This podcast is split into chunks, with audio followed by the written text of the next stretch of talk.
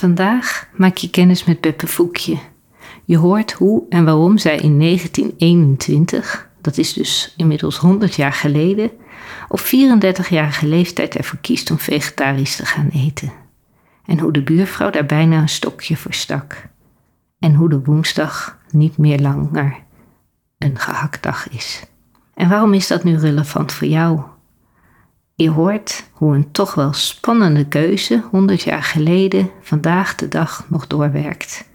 En zo zullen jouw keuzes die jij vandaag maakt misschien ook nog wel over 100 jaar doorwerken. Welkom bij de Vegapot. Geen dode dieren op je bord. Mijn naam is Foekje en ik vertel je wat een leven lang vega eten mij heeft opgeleverd en gekost. Zodat jij lekker makkelijk en heerlijk gezond je eigen keuzes kunt maken. Je hoort waar je op moet letten als jij geen vlees of vis meer op tafel wilt zetten.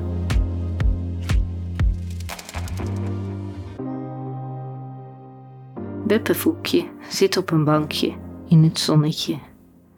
Ze ruikt de heerlijke geur van het pas gemaaide gras, de paardenbloemen en de madeliefjes, die zijn allemaal gemaaid. Dat is jammer, want ze houdt ervan. Maar ze vindt nog een stukje paardenbloemblad wat ze lekker opeet. Het is wat bitter, maar het is gezond en ze houdt ervan.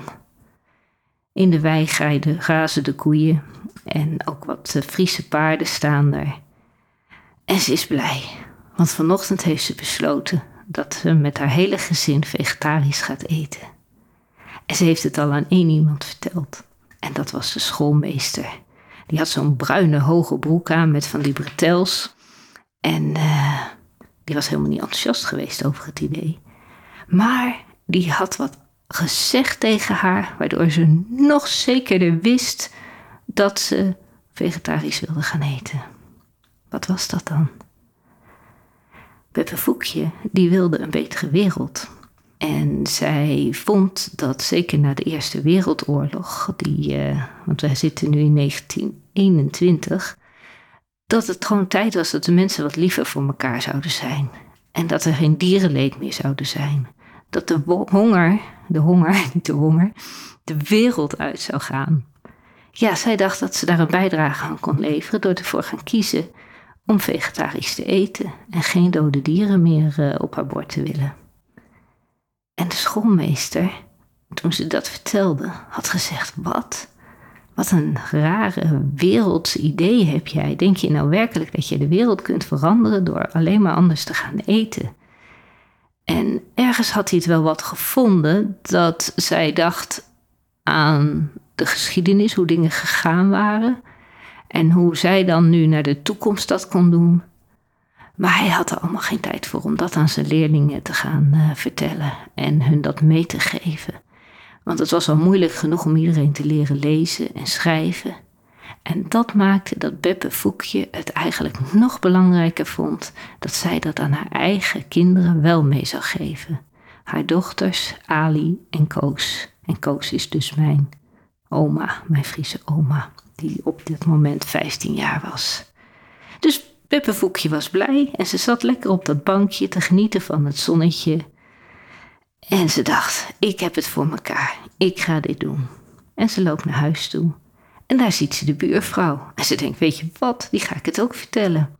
En de buurvrouw is net de was aan het ophangen. En dat geurt heerlijk in die zomerse lucht. En het zal snel drogen.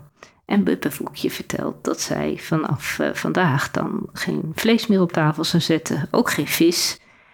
En uh, die buurvrouw die kijkt haar aan, die strijkt over haar witte schort heen en zegt: Ach, Voekje, dit kan toch niet waar zijn? Hebben jullie zo weinig geld? Kunnen jullie niet meer betalen om vlees en vis te eten? En hoe moet dat dan met jouw kinderen, met Ali en Koos? Want ze zien toch altijd al een beetje bleekjes. En als ze dan ook geen lekker stukje vlees mee eten, dan ben je net als die armoedzaaiers die alleen maar aardappelen eten. En dat, ach, nou weet je wat, Voekje, doe het maar gewoon. Dan komen ze af en toe maar bij mij een stukje vlees halen. Maar Peppe Voekje schrok ervan. Want hoe zouden ze dat dan moeten doen? Het was niet zo dat ze zomaar het vlees en het vis weg kon laten van het bord. Dus ze was eigenlijk zwaar teleurgesteld. Hoe kon ze nou zorgen dat haar dochters toch gezond bleven? En zijzelf natuurlijk ook. Het was echt een domper. En Peppe Voekje, die had zoiets van: dit gaat dus niet door. Ik moet dit anders aanpakken. Ik moet er eerst meer over weten voordat ik dit ga doen. Nou, dat heeft een tijdje geduurd, uh, een paar maanden zelfs. Inmiddels is het uh, november. In november is het natuurlijk koud, het is herfst en we gaan een kijkje nemen in de keuken bij Beppe Voekje. Want Beppe Voekje heeft opnieuw besloten dat ze deze dag vegetarisch wil gaan eten. En ze gaat het nu echt doen. Tenminste, ze is van plan om het aan haar dochters te vertellen. En dan kunnen ze het als gezin gaan doen. En ze gaat kijken hoe dat gaat lukken. De wind giert om het huis. De regen slaat tegen de ramen. Maar binnen in de keuken van Beppe Voekje is het lekker warm. De gortenpap, de karnemelkse gortenpap, die staat op de kachel. En het is vroeg en de kinderen die komen in hun flanellen nachtjaponnetjes naar beneden. Koos en Ali, waarvan Peppe Koos dus straks uh, mijn oma blijkt te worden. Maar dan zijn we heel veel jaren verder. We zitten nu in 1921. Beppe Voekje schenkt lekker thee in voor de meiden. Zij heeft citroenmelis uit de tuin geplukt. En de kinderen die zitten lekker een beetje te slobberen aan hun kopjes thee. Zometeen krijgen ze lekkere warme gortenpap met stroop, een beetje zoute stroop erdoor. Dat vinden ze altijd heerlijk. En Beppe Voekje zegt: Meiden, ik denk dat het goed is dat wij vegetarisch gaan eten. Het is zo dat er zoveel dierenleed is in de wereld en de mensen maken zoveel ruzie. En we verdelen het eten niet goed over de hele wereld. Er zijn mensen die honger lijden. En weet je dat één koe die eet zo ontzettend veel groenvoer om één kilo vlees te maken, laten wij dan gewoon zorgen dat we dat groenvoer eten, dat plantaardige. En ik weet dat het kan. En vanaf vandaag zullen we dus geen vlees meer eten, geen vis meer eten. Wat vinden jullie daarvan? Nou, Ali en Koos vonden het prima. Echt helemaal geen moeite mee. En ze dachten verder ook niet aan de consequenties. En uh, dat was prima. Als Beppe Voekje dat wilde, dan deden ze dat. Dus mooi, dus wat eten we dan vanavond? vroegen ze. Uh, Oeh. Beppe Voekje had nog gehakt in de koelkast staan. Dat moest toch wel eerst op. Dat was durig vlees en het was zonde om dat zomaar weg te gooien. Dus we beginnen morgen. Oké, we beginnen morgen. En zo is het geschied. En oh ja, ze hadden natuurlijk helemaal geen koelkast in 1921. Maar het gehakt moest nog wel even op. En woensdag was altijd gehaktdag. En vandaar dat deze podcast ook altijd op woensdag uit gaat komen, als die uitkomt. En die gehaktballen hebben ze nog met enige tegenzin toch wel opgegeten.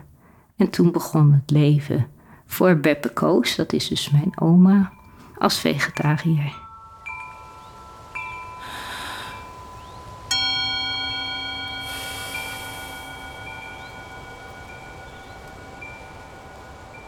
Het is niet altijd makkelijk om je eigen keuze te maken. Zeker niet als je omgeving er anders over denkt. En ik vind het nu, honderd jaar later, gewoon ontzettend stoer van mijn uh, Beppe Voekje dat zij dat wel heeft gedaan.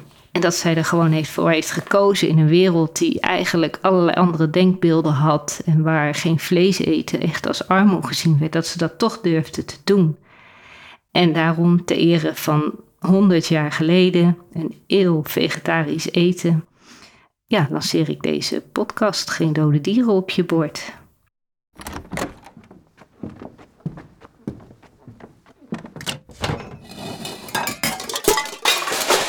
Potjantiki, in één keer realiseerde ik mij vandaag dat als ik nu iets kies, dat dat ook dus over 100 jaar in de toekomst invloed kan hebben.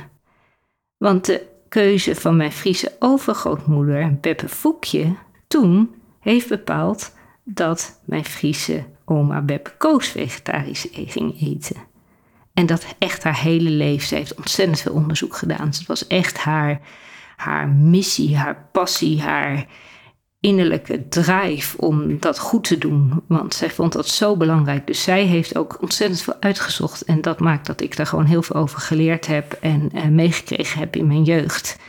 Ik zal ook zeggen hoe moeilijk dat soms was, maar dat komt allemaal in andere podcasts. Maar zij heeft dat gedaan. En doordat zij dus vegetarisch ging eten en trouwde met mijn paken, ging hij weer vegetarisch eten. Toen werd mijn vader geboren en die werd vegetarisch opgevoed. En ik werd dus in een vegetarisch gezin geboren, omdat mijn moeder weer met mijn vader trouwde en dus ook vegetarisch ging eten. En inmiddels heb ik ook alweer een kleinkind. Dus er zijn nu al zes generaties die dan vegetarisch uh, als invalshoek hebben genomen voor hun dieet. Ja, en dat is toch gewoon heel bijzonder. Maar dus wat ik nu vandaag doe en deze podcast uh, bij jou belandt, ja, wat gaat dat nog voor invloed hebben over 100 jaar? Dus, dus waar kies jij vandaag voor? En in het bijzonder, wat eet jij nou wel en wat eet je nou niet en waarom dan? En eet jij nou wel dode dieren of niet? En wat betekent dat voor jou? Wat betekent het voor jouw omgeving? En ik zeg zeker niet dat je extreme keuzes moet maken en ook niet dat je radicaal het moet omgooien. Maar ik zeg wel dat je ontzettend goed voor jezelf en je omgeving en de wereld moet zorgen. Want er is geen tweede zoals jij en ook geen tweede aarde. En in de volgende podcast zal ik vertellen wat mijn keuzes zijn geweest in een leven lang vega eten en wat daarvan de consequenties waren. Want zoals gezegd, het was niet zo makkelijk altijd. En zeker in mijn jeugd. Uh, en ook zelfs nu nog is het gewoon echt lastig als je besluit, besluit om gewoon geen vlees en vis te eten. Oftewel, een vegapot vol met belevenissen, ergernissen, compromissen, lekkere, makkelijke, heerlijk gezonde dissen. Ja, zodat jij lekker makkelijk, heerlijk gezond door het leven kunt gaan. En dat je niet langer hoeft te gissen hoe een leven vol vegetarisch eten eruit kan zien. Dankjewel voor het luisteren naar de Vegapot vol belevenissen. Wil jij meer weten of geen aflevering missen? Kies dan voor abonneer. Eet smakelijk, hap voor hap en tot de volgende keer. Liefs, Voekje.